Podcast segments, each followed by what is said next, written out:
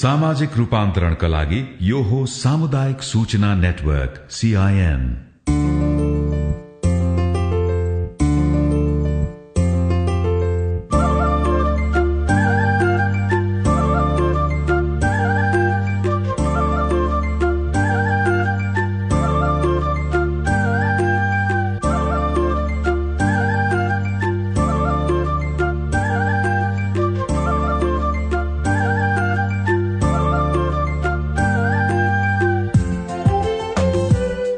नमस्कार। कार्यक्रम जीवन रक्षामा तपाईँलाई हार्दिक स्वागत छ। म लील प्रकाश चन्द। आर्थिक सामाजिक शैक्षिक व्यावसायिक गतिविधि स्वास्थ्य र सावधानीका बारेमा विशेषतः यो कार्यक्रम हामी सफल गर्छौं। सामुदायिक रेडियो प्रसारक संघ अकोराबद्वारा संचालित सीआईएनको प्रस्तुति यो हो कार्यक्रम जीवन रक्षा। कार्यक्रम जीवन रक्षा सीआईएन मार्फत मुलुकभरका सामुदायिक radio website CIN Khabar dot com Facebook page CIN Khabar CIN साझा खबर मोबाइल एप सीआईएनबाट पनि तपाई सुनिरहनु भएको छ। आजको कार्यक्रम जीवन रक्षामा हामी नेपालमा कोरोना डेंगी हैजाको संक्रमण र यसबाट जोगिनका लागि सावधानी अप्नाउनु पर्ने आवश्यकताका बारेमा छलफल गर्दैछौ। यस बारेमा तपाईँका कुनै प्रश्न वा विचार भएमा हामीलाई शून्य एक बाहन्न साठी छ एकसठीमा अहिले नै फोन गर्नुहोला। तपाईँले कार्यक्रम जीवन रक्षा हाम्रो फेसबुक पेज सीआईएन खबरबाट सुन्दै हुनुहुन्छ भने त्यहाँ कमेन्ट गर्नुभयो भने पनि हामी तपाईँका जिज्ञासा सम्बोधनको प्रयास गर्नेछौ। कुराकानीका लागि हामीसँग वरिष्ठ physician doctor Roshan Kumar Jha telephone सम्पर्कमा हुनुहुन्छ। डाक्टर साहब स्वागत छ कार्यक्रम जीवन रक्षामा यहाँलाई। डाक्टर साहब हार्दिक स्वागत छ यहाँलाई कार्यक्रममा। धन्यवाद हजुर। विशेष गरी अब कुराकानीको शुरूआत कहाँनिरबाट गरौं भने अहिले मौसम बिस्तारै परिवर्तन हुँदै गरेको अथवा यो ज्वरो सबै व्यक्तिलाई ज्वरो नै आइराखेको खोकी लागिराखेको उस्तै उस्तै लक्षणहरू देखा परिराखेको र विभिन्न प्रकारका रोगहरू पनि देखा परिराखेको भएर। तपाईँहरूको अभ्यासमा चाहिँ कस्तो बिरामीहरू अहिले कस्तो स्वास्थ्य समस्या लिएर मानिसहरू तपाईँहरूको सम्पर्कमा पुगिराख्नु भएको छ त्यहीबाट शुरू गरौं। हजुर धन्यवाद। अब सबैलाई थाहा छ यो मनसुन पानी परिरहेको बेलामा हजुरको कस्तो हुन्छ भने वाटर बर्न डिजिजहरू मस्किटो बर्न डिजिजहरू अलिक बढ्छ भनेर यो भनेको यो पालि मात्रै होइन। पहिला पनि यस्तै किसिमको रोगहरू देखा पर्छ भनेको पानीबाट लाग्ने रोग र लामखुट्टेको टोकाइबाट लाग्ने रोगहरू अहिले बढी एक्ज्याक्टली सो यो चाहिँ हाम्रो जुन मौसमी परिवर्तनहरू हुन्छ हाम्रो जुन वातावरण छ यो ट्रपिकल र सब ट्रपिकल कन्ट्रिज भन्छौँ जहाँ चाहिँ यस्ता किसिमको चाहिँ वाटर बर्न र मस्किटो बर्न डिजिजहरू हुन्छ त्यो चाहिँ अहिले हाम्रो देशमा पनि अलिक बढी देखिरहेको छ। विशेष गरी काठमाडौँमा अहिले के देखिएको छ भने जहाँ म प्र्याक्टिस गर्दैछु काठमाडौँमा पनि हजुरको यो चाहिँ डेङ्गु फिभर र एउटा चाहिँ अब कोभिड नाइन्टिन हामीमा गएको छैन। सो अहिले चाहिँ दुइटैमा मैले के देखिरहेको छु भने दसजना यदि भाइरल फिभरको पेसेन्ट आयो भने त्यसमा तिन चारजना डेङ्गी हुन्छ भने दुई तिनजना चाहिँ कोभिड हुन्छ। अरू चाहिँ बाँकी चाहिँ अब अनआइडेन्टिफाइड भाइरल फिभर भन्छौँ हामी। जसो अब कोरोना संक्रमण बढिराखेको भनिराखेका छौँ स्वास्थ्य संस्थाहरूमा कोरोनाका संक्रमणका बिरामीहरू त्यो तुलनात्मक रूपमा यहाँहरूले त्यो के पाउनुभयो? बढिराखेकै हो कि? अथवा अब यहाँले अघि भने जस्तै कोरोनाको र त्यो डेङ्गीको पनि लक्षणहरू मिल्दोजुल्दो भएका कारणले गर्दाखेरि नागरिकहरूमा अझ बढी त्रास भएको के पाइराख्नु भएको छ यहाँहरूले? हजुर हो। यो दुइटै भनेको फ्लू लाइक सिम्टम भन्छौँ। ज्वरो आउने जिउ दुख्ने र रुगा लाग्ने। तर एउटा के कुरा रहेछ भने डेङ्गीमा चाहिँ रुगा खोकी त्यति लाग्दैन। अलिक घाँटी खसखस मात्रै गर्ने हुन्छ भने कोरोनामा हजुरको के हुन्छ भने ज्वरो आउने जिउ दुख्ने अनि घाँटी खसखस गरेर रुगा लाग्ने। भनेको यो दुइटाको बीचमा फरक भनेको रुगा लाग्यो भने चाहिँ त्यो कोरोनाको हुन सक्ने भयो। यदि लागेन भने त्यो डेङ्गीको भनेर आफै सचेत रहनु पर्यो। हजुर हजुर। अनि त्यसमा के देखिया छ भने अहिले जुन हामीले डाटा हेर्छौँ त्यो डाटामा जति समुदायमा छ त्यो देखिन त्यसको मलाई लाग्छ पाँच दस पर्सेन्ट मात्रै हाम्रो डाटामा आइरहेछ। किनभने अहिले घर घरमा मान्छेले अब यो कोरोनाको हजुरको एन्टिजेन टेस्ट गर्छन् आफै पोजिटिभ छु भनेर सचेत भएर बस्या हुन्छन् र कतिपयले चाहिँ आफ्नो डक्टरसँग अनलाइन कन्सल्टेसन गरेर घरमै उसले उपचार गरिरहेको हुन्छ। त्यही भएर स्वास्थ्य संस्थाहरूमा कोरोनाको पेसेन्ट अहिले चाहिँ देखिन्न। अब यो कोरोना संक्रमण र यो डेंगीको संक्रमण हामीले पछिल्लो तथ्याङ्क हेर्ने हो भने रूपन्देही पछि काठमाडौँमा सबैभन्दा धेरै डेंगीका बिरामीहरू भनिराखेका छौं। जस्तो अब यो लामखुट्टेको टोकाइबाट किनभने हाम्रो एउटा धारणा के छ भने अलिकति अलिक पछाडि पारिएको बस्तीहरूमा अथवा त्यस्तो जहाँ भौतिक पूर्वाधार पुगिसकेको छैन त्यहाँ लामखुट्टे हुन्छ भन्छौं। तर लामखुट्टेकै टोकाइबाट डेंगी लाग्ने गर्छ। त्यस कारणले गर्दाखेरि यो काठमाडौँमा यो बढ्नुको कारण के हुन सक्छ लाग्छ? हजुर हजुरले एकदमै राम्रो कुरा गर्नुभयो कि भौतिक पूर्वाधारदेखि कुराहरू। काठमाडौँमा अहिले भन्यो भने हाम्रो गाउँभन्दा चाहिँ राम्रो देखिया छैन अवस्था। गाउँमा बरु योभन्दा सफा सुग्घर होला। अहिले पोहर पानीदेखि लिएर बाटोमा जम्ने पानीदेखि लिएर पोहर फाल्नेदेखि लिएर व्यवस्थापनमा अहिले चाहिँ व्यापक अप्ठ्यारो अवस्थामा छन् काठमाडौँवासीहरू। अब त्यो चाहिँ हामी सबैले बुझेकै छौँ। सो एउटा त्यो कारण पनि हुन्छ कि फोहोर व्यवस्थापन र ढल नलको व्यवस्थापन राम्रो नभएको हुनाले ठाउँ ठाउँमा पानी जमेर अहिले चाहिँ लामखुट्टेहरूको ब्रिडिङ प्लेस बढाएको छ यो लामखुट्टे भनेको जुन हामी एडिज एजिप्टिनी भन्छौँ यो डेङ्गु सार्ने लामखुट्टे पो पोथी जातको हुन्छ। त्यो भनेको यो जुन एस्टेग्नेन्ट वाटर हुन्छ त्यो वाटरमा यसले ब्रिडिङ साइट पाउँछ र त्यहाँबाट यसले आफ्नो चाहिँ पपुलेसन बढाउने हो। सो काठमाडौँमा अहिले त्यस्ता ठाउँहरू प्रशस्त छ जहाँ चाहिँ हजुरको चाहिँ भनौँ न जमेको पानीहरू या फोहरहरूको बिचमा पानी जमेकोहरू त्यसमा चाहिँ यो मस्किटोको ब्रिडिङ साइट भएको हुनाले काठमाडौँमा तपाईँको डेङ्गुको प्रकोप बढेको चाहिँ मलाई चाहिँ लाग्छ। अब यो फोहोर त जहाँ पनि काठमाडौँमा त पछिल्लो समय बढ़िराखेको छ अरू देश अरू देशका अरू जिल्लामा पनि यदि फोहोरबाट पानीको जुन जम्ने ठाउँ भइराखेको स्थितिमा त्यो लामखुट्टेले आफ्नो अनुकूलता अवस्था पाएर यसले टोकेपछि नागरिकहरूमा बिरामी हुने एउटा कुरा हो। जस्तो फोहोरको थुप्रो छ अब यसलाई तत्काल उठाउने अवस्था पनि छैन अथवा पानी जमेको अवस्था छ भने त्यहाँनिर हामी घर वरिपरि अथवा घरभित्रै रहेका परम्परागत त्यस्ता कुनै विधि प्रक्रिया अथवा के गरेर त्यसलाई चाहिँ अझ व्यवस्थापन गर्न सक्छौं? यसमा हामीले हामी यदि नागरिक सचेत भयो भने फोहोरको कारणले मात्रै यो लामखुट्टे बढ्छ भन्ने छैन। फोहोरको बिचमा जथाभावी जुन हामीले फोहोर व्यवस्थापन गरिरहेछौँ फालिरहेछौँ त्यो फोहोरहरूमा चाहिँ सानो प्लास्टिकका बाटाहरू हुन्छन् तिनीहरूमा चाहिँ तपाईँको के हुन्छ त्यो पेपरका जुन खाएर कचौराहरू जस्तो हुन्छन् बाटाहरू त्यसमा पानी अड्किने हो। सो यदि हामीले फोहोर अहिले चाहिँ राम्ररी एउटा कुनामा राख्यो र त्यहाँ पानी जम्न दिएनौँ भने फेरि त्यसले हामीलाई चाहिँ यो अहिलेको जुन लामखुट्टेको प्रकोप बढ्या छ डेङ्गुको प्रकोप बढ्या छ त्योबाट हामी चाहिँ भनौँ न अलिक केही हदसम्म बच्न सक्छौँ। सो पोहर मात्रै होइन कि यहाँ चाहिँ पोहर फाल्ने जुन हाम्रो परम्परा छ जहाँ पाए त्यही फालिदिने आफ्नो घरको कुनामा यदि ड्राई प्लेसमा पोहरलाई राख्यो भने त्यहाँ पानी जम्दैन हजुर। पानी जम्दैन भने तपाईँको ब्रिडिङ साइट हुँदैन ब्रिडिङ साइट भएन भने मस्किटोले जुन डेङ्गु फैलाइरहेछ त्यो चाहिँ अलिक कम हुन्छ। यदि त्यो फोहोरको थुप्रो छ अथवा जमेको पानी छ भने त्यसमा कुनै औषधि छरेर त्यहाँ भएको संक्रमणलाई नष्ट गर्न सकिने अवस्था केही हुन्छ कि हुँदैन? यो औषधि लगेर छरौं अथवा घरयासी रूपमा पनि हामी यतिसम्म गर्न सक्यौं भने त्यसबाट हामी बच्न सक्छौं भन्ने केही छ कि छैन यहाँको सुझाव? हो तपाईँले भनेको एकदम राम्रो अस्ति छर्किने। अस्ति भनेको अलवेज पोइजनस चिज हो होइन?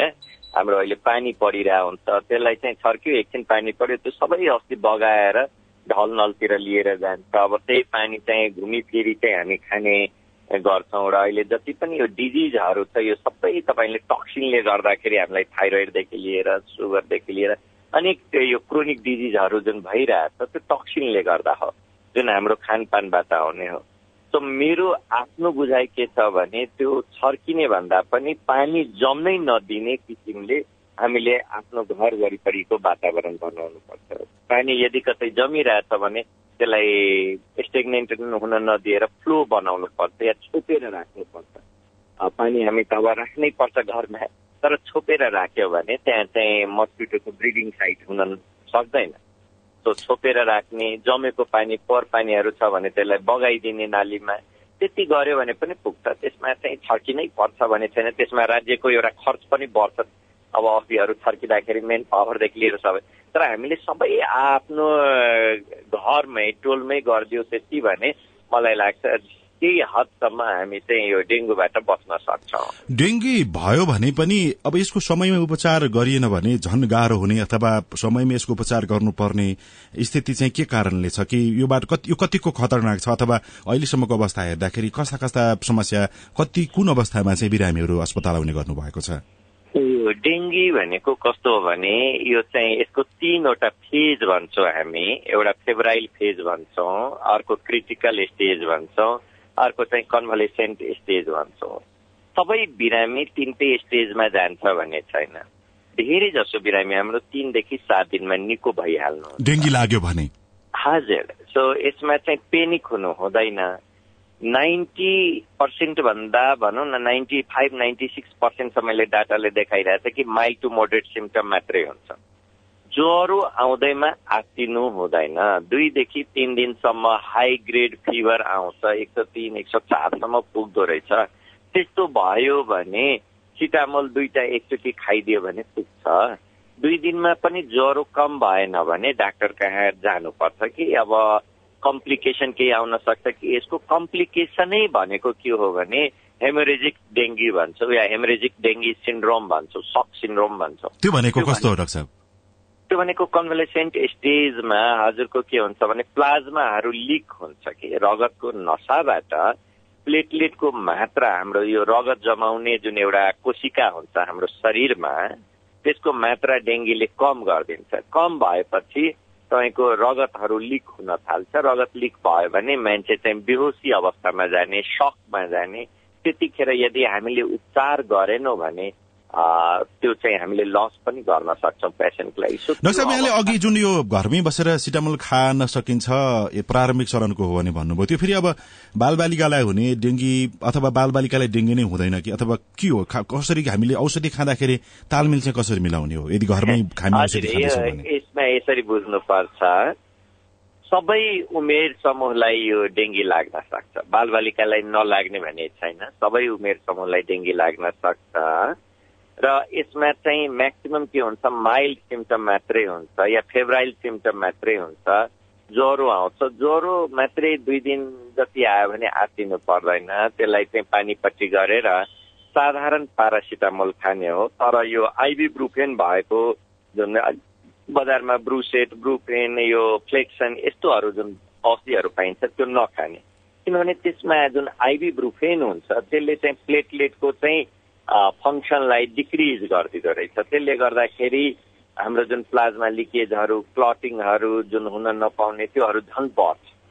सो यसमा चाहिँ अब इन्ट्राक्रेनियल ब्लिड हुने रगत चाहिँ बहाव बढ्ने शरीरभित्र त्यो सम्भावना बढेर जान्छ। सो मैले हजुरको मार्फत के भन्न चाहन्छु भने यसमा ज्वरो आयो भने नहातिनुहोस् सिटामल प्लेन सिटामल दिनुहोस्। दुई दिन जति हेर्नुहोस् तर बच्चा शिथिल हुँदै गयो पेट एकदम धेरै दुख्यो बान्ता धेरै भयो या लेथार्जी भइरहेछ जस्तो अलिकति हिडुल गर्न गाह्रो भइरहेछ सुत्या सुत्दै गरिरहेछ पर्फर्मेन्स लेभल भन्छौँ हामी त्यो त्यति राम्रो छैन लेथार्जी भएर बसिरहेछ भने त्यस्तो अवस्थामा डक्टरसँग सल्लाह गर्नुपर्छ। त्यसमा हामीले एउटा सिबिसी भन्छौँ कम्प्लिट ब्लड काउन्ट त्यसमा प्लेटलेट र ल्युकोसाइड काउन्ट हेर्छौँ र एउटा चाहिँ हजुरको के हुन्छ भने लिभर फङ्सन टेस्ट भन्छ। त्यसमा एएसटी र एएलटी लेभल हेर्छौँ। त्यो साधारण यो सिबिसी र एलएफटी भनेको गाउँघरतिर प्राथमिक चौकीहरूमा पनि हुन्छ। यो ठुलो उपचार प्रक्रिया होइन। त्यो हेर्दै हामीले चाहिँ खानपान मिलाउनु पर्छ। सिटामोल प्लस हाइड्रेसन भन्छौँ। त्यो त घरमै गर्न सकिन्छ। हाइड्रेसनको लागि झोलिलो चिजहरू एकदम धेरै खाने होइन ज्वरो आइदियो सिटामोल खाने। दुई दिनमा ज्वरो ठिक भइहाल्यो बिरामी अलर्ट छ सबै राम्रो छ भने खासै हातिनु पर्दैन। नेक्स्ट टाइम फेरि हुन सक्छ भने लामखुट्टेको टोकाइबाट कसरी जोगिने त्यो चाहिँ प्रिभेन्सन मेजरहरू जुन छ त्यो अप्नाउने। त्यति गर्यो भने मलाई लाग्दैन पेनिक हुनुपर्छ। थोरै मान्छेमा मात्रै हो जुन क्रिटिकल स्टेजमा या कन्भलेसेन्ट स्टेजमा जाने उहाँहरूलाई हाम्रो उपचार चाहिन्छ। कतिपय बिरामीलाई हामीले हस्पिटलाइज गरेर हजुरको प्लेटलेट नै दिनुपर्ने हुन्छ। एकदम कम भयो। तिस हजार भन्दा पनि कम प्लेटलेट देखियो भने त्यस्ता बिरामीहरूलाई हामीले के गर्छौँ भने हस्पिटलमा एडमिसन गरेर र उहाँहरूलाई चाहिँ प्लेटलेट कम हुन नदिने किनभने बिस हजार भन्दा कम भयो भने कुनै पनि बेला रक्तस्राव शरीरभित्र हुन सक्छ र त्यो रक्तस्राव भयो भने बिरामीको अङभङ हुने या भनौँ न डेथ हुने सम्भावना हुन्छ। सो यसमा हामीले दुईटा चिज हो। यसको मेन चाहिँ कुनै बिरामीको नाकबाट रगत गयो गिजाबाट रगत गयो दिसा पिसाबमा रगत देखियो या शरीरमा टिका टिका रातो आयो भने हामीले के बुझ्नुपर्छ भने यो चाहिँ हेमोरेजिक कम्प्लिकेसन हुन लागेको हो। यो चाहिँ यो डेङ्गी डेङ्गी भइसकेपछिको अवस्थामा देखिने त्यो अलिक गम्भीर प्रकारको लक्षणहरू। हजुर दुई तिन दिनपछि यो सम्भावना हुन सक्छ। सबैमा हुन्छ भने छैन केही व्यक्तिहरूमा त्यस्तो यदि गम ब्लिडिङ भनौँ गिजाबाट रगत आइरहेछ नाकबाट रगत आइरहेछ जिउमा टिका टिका रातो देखिन थाल्यो। त्यो त्यस्तो भयो भने तुरन्त चाहिँ चिकित्सकको सल्लाह अनुसार चाहिँ उपचार प्रक्रियामा गइयो भने हामी चाहिँ भनौँ न क्षति हुनबाट जोगिन्छौँ र धेरैभन्दा धेरै बिरामीलाई चाहिँ हामीले जोगाउन सक्छौँ। तर हामीलाई रोशनी उपाध्यायजीले जुम्लाबाट सोध्नु भएको छ डेङ्गी लाग्यो भने यो दीर्घकालीन रूपमा यसको कुनै असर देखिन्छ कि देखिँदैन अथवा शारीरिक रूपमा कमजोर हुने त्यस्तो केही हुन्छ कि हुँदैन भनेर सोध्नु भएको छ? डेङ्गी लाग्यो भने यसको चाहिँ धेरै जसो के देखेको छ भने एक हप्ताभित्र निको भइहालिन्छ र पहिलाकै अवस्थामा जान्छ धेरै जसो बिरामी। यसमा चाहिँ दीर्घकालीन रूपमा कुनै पनि समस्या आउँदैन। तर प्लेटलेट एकदम कम भएर कतै इन्ट्राक्रेनियल ब्लिड भइदियो रगत बगिदियो भने त्यसको मात्रै त्यो हुन्छ त्यो भनेको एकदम रेयर हो। त्यसलाई चाहिँ भनौँ न अब त्यो भयो भने त बिरामी चाहिँ लाई एकदमै अप्ठ्यारो हुन्छ। त्यस्ता बिरामीलाई मात्रै हो दीर्घकालीन रूपमा चाहिँ विकलाङ हुने या अरू नराम्रो अवस्थाहरू आउने। नत्र चाहिँ यो फेब्राइल या क्रिटिकल पेसेन्टहरूमा जुन हामीले रिकभरी फेजमा जान्छौँ भने नर्मल तर नै रहन्छ। उहाँ साहब अब यो त डेङ्गीको कुरा भयो। अब अहिले यो पानी जन्ने रोगका कारणले गर्दाखेरि जस्तो हाम्रो मुलुक त अब पहाड़ छ तराई छ त्यसै गरी हिमाल पनि छ। अब यो अनुसार भूगोल अनुसार हामीले अहिलेको अवस्थामा ध्यान दिनुपर्ने कुरा चाहिँ के के हो? हजुर अहिलेको अवस्थामा के छ भने अब कतै बारी त कतै पहिरो जाने अब हामीले सबैले बुझेको छ। तराईमा बाढी जान्छ भने पहाड़तिर पहिरो जान्छ।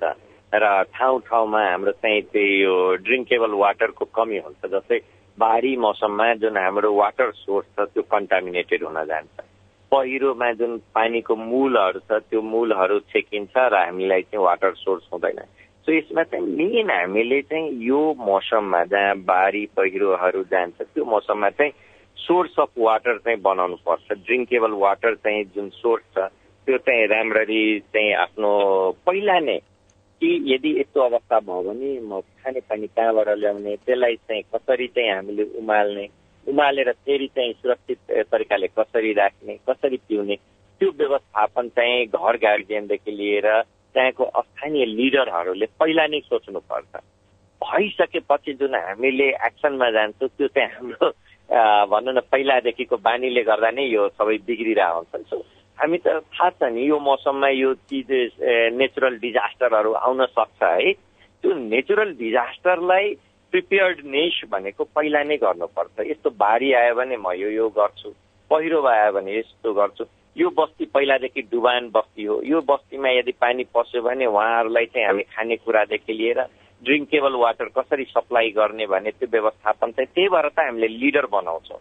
जुन लिडरको काम जुन भनेको भविष्यवाणी गर्ने र भविष्यको कुराहरूलाई आकलन गर्दै र त्यही अनुसार चाहिँ एक्सनमा गइहाल्ने भने त्यो चाहिँ छ। लिडरको काम यो होइन कि हजुरको अब यो भयो अब ल अब के के गर्ने भनेर एउटा ग्रुप बनाएर हेर्ने। सो त्यो चाहिँ मलाई लाग्छ व्यवस्थापन यदि टाइमली गर्यो भने जसरी विदेशतिर हामीले सुन्छौँ बाढी गयो एकछिनमा त्यहाँको मान्छेहरूलाई रेस्क्यु गर्छन् एउटा ठाउँमा ल्याउँछन् फेरि सबै व्यवस्थापन गर्छन् बाढी गइसकेपछि पुनः फेरि ठाउँ त्यो ठाउँलाई बनाइदिन्छन् आफ्नो ठाउँमा सारिदिन्छन्। त्यस्तो किसिमको हामीले पनि अब यो डिजास्टर म्यानेजमेन्टहरू मा चाहिँ ध्यान दिनुपर्छ। कतिपय ठाउँमा राम्रो भइरहेछ हामी चाहिँ अप्टिमिस्टिक हुनुपर्छ। कतिपय ठाउँमा एकदमै राम्रो गरिराख्नु भएको छ। तर जुन ठाउँमा त्यस्तो व्यवस्थापनहरू गरेका छैन त्यहाँनिर पनि हामीले ध्यान दिनुपर्ने हुन्छ। अहिले हैजाको पनि अब काठमाडौँमा त साठी भन्दा बढ़ी व्यक्तिहरूमा हैजाको संक्रमण भइसकेको र यो बढ़दै गएको भन्ने छ। र उपत्यकामा मात्रै होइन अरू जिल्लामा पनि जहाँ हामीले खाने पानीको एउटा मुहान अथवा त्यो व्यवस्थापनमा ध्यान दिएनौ भने अरू ठाउँमा पनि यो समस्या त देखिन सक्छ। काठमाडौँको अवस्था के छ? त्यसपछि यहाँले त्यो सुझाव यो अरू सतहत्तरै जिल्लामा बसोबास गर्ने नागरिकले त्यो मनन गर्ने गरी हैजाबाट जोगिनको लागि यहाँको भन्नुपर्ने कुरा चाहिँ के छ?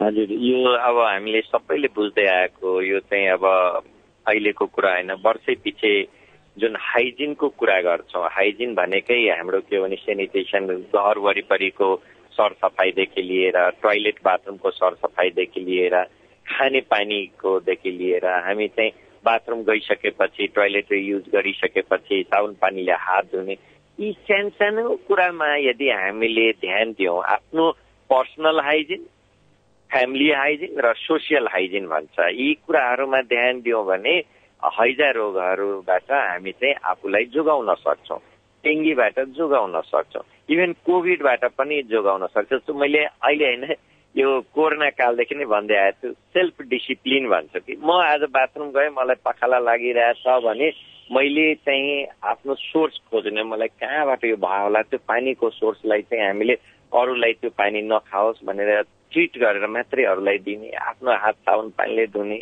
आफू टोइलेट युज गरिसकेपछि चाहिँ आफूले छोएको ठाउँहरू राम्ररी पखालिदिने यी हामी सेल्फ डिसिप्लिन मेन्टेन गर्यो भने हाम्रो फ्यामिली मेम्बर या पब्लिक प्लेसहरू हामीले युज गरेका छौँ त्यो पब्लिक प्लेसहरूलाई हाइजिन मेन्टेन गरेर राख्यो भने यो रोगहरूबाट जोगिन सक्छ किन भन्छ भने विकसित मुलुकहरूमा यस्तो रोग देखिन्न हाम्रोमा देखिन्छ त्यो भनेको सेल्फ एउटा डिसिप्लिन हो हाम्रो हाइजिन हो पर्सनल हाइजिन घर घरमा गएर हजुरको होटलहरूमा जुन किचनहरूमा काम गरिरहेको छ त्यहाँ चाहिँ अब फुड सप्लायरहरू जुन छ उहाँहरूको हाइजिन कस्तो छ भनेर हामीले चाहिँ हेर्न पनि मिल्दैन त्यो भनेको हाम्रो एउटा अवेरनेस हो जुन हजुरहरूको मार्फत चाहिँ हामीले बेला बेलामा चाहिँ अवेर गर्नुपर्छ भनेको सरसफाइमा ध्यान दियो भने धेरै रोगबाट बच्न सकिन्छ भन्ने सबै हाम्रो रोगै सरसफाइसँग रिलेटेड हो। त्यो भनेको यसले हाम्रो एउटा कन्ट्रीको हाम्रो समाजको हाम्रो चाहिँ अस्तर देखाउँदो रहेछ। सो मेरो आफ्नो बुझाइ के छ भने यसमा चाहिँ हामी चाहिँ जनस्तरबाटै नै लाग्नुपर्ने हुन्छ। यसमा चाहिँ गभर्मेन्टको भन्दा पनि जनताकै ठुलो रोल हो कि सरसफाइ आफ्नो घर वरिपरि आफ्नो पर्सनल सरसफाइ यो त हामीले आफैले गरिदिने हो। सो यस्तो गरिदियो भने धेरै रोगबाट जोगिन सक्छ।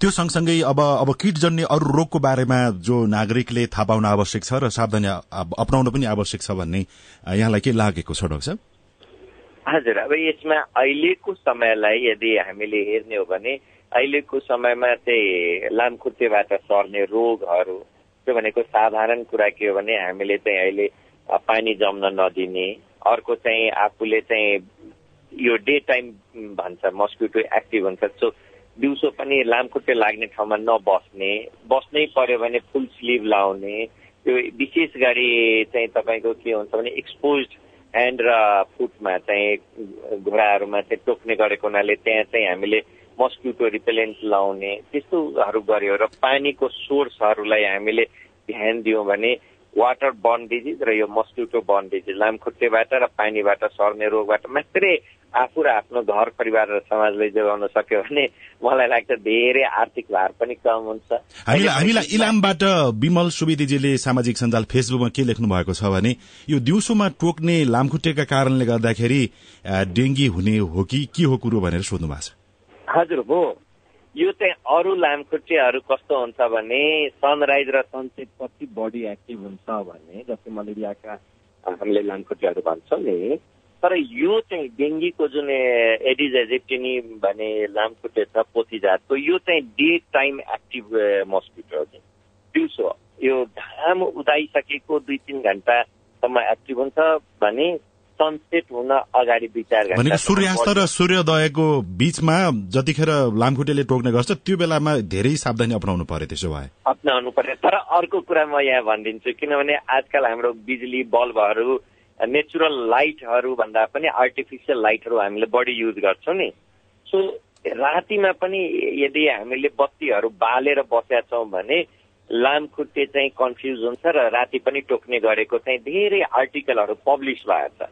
सो यो चाहिँ डे टाइममा मोस्ट एक्टिभ हुने हो नेचुरल लाइटमा तर कतिपय आर्टिकलमा के देखाएको छ सेम मस्किटो चाहिँ हामीले जुन बत्तीहरू झिलिमिली पारेर बसिरहेको हुन्छ भने त्यस्तो बेलामा पनि यो लामखुट्टे चाहिँ साहब अब कतिपय व्यक्तिलाई त फेरि रातिमा त्यो बत्ती नबालेर सुत्नै नसक्ने निदाउनै नसक्ने पनि हुन्छ। त्यो जुन मधुरो प्रकारको बत्ती हुन्छ त्यसले चाहिँ केही असर गर्छ कि गर्दैन? लामखुट्टेलाई त्यो त्यहाँ आउनको लागि अथवा टोक्नको एकदमै डिम लाइटमा यो त्यति एक्टिभ हुँदैन होइन?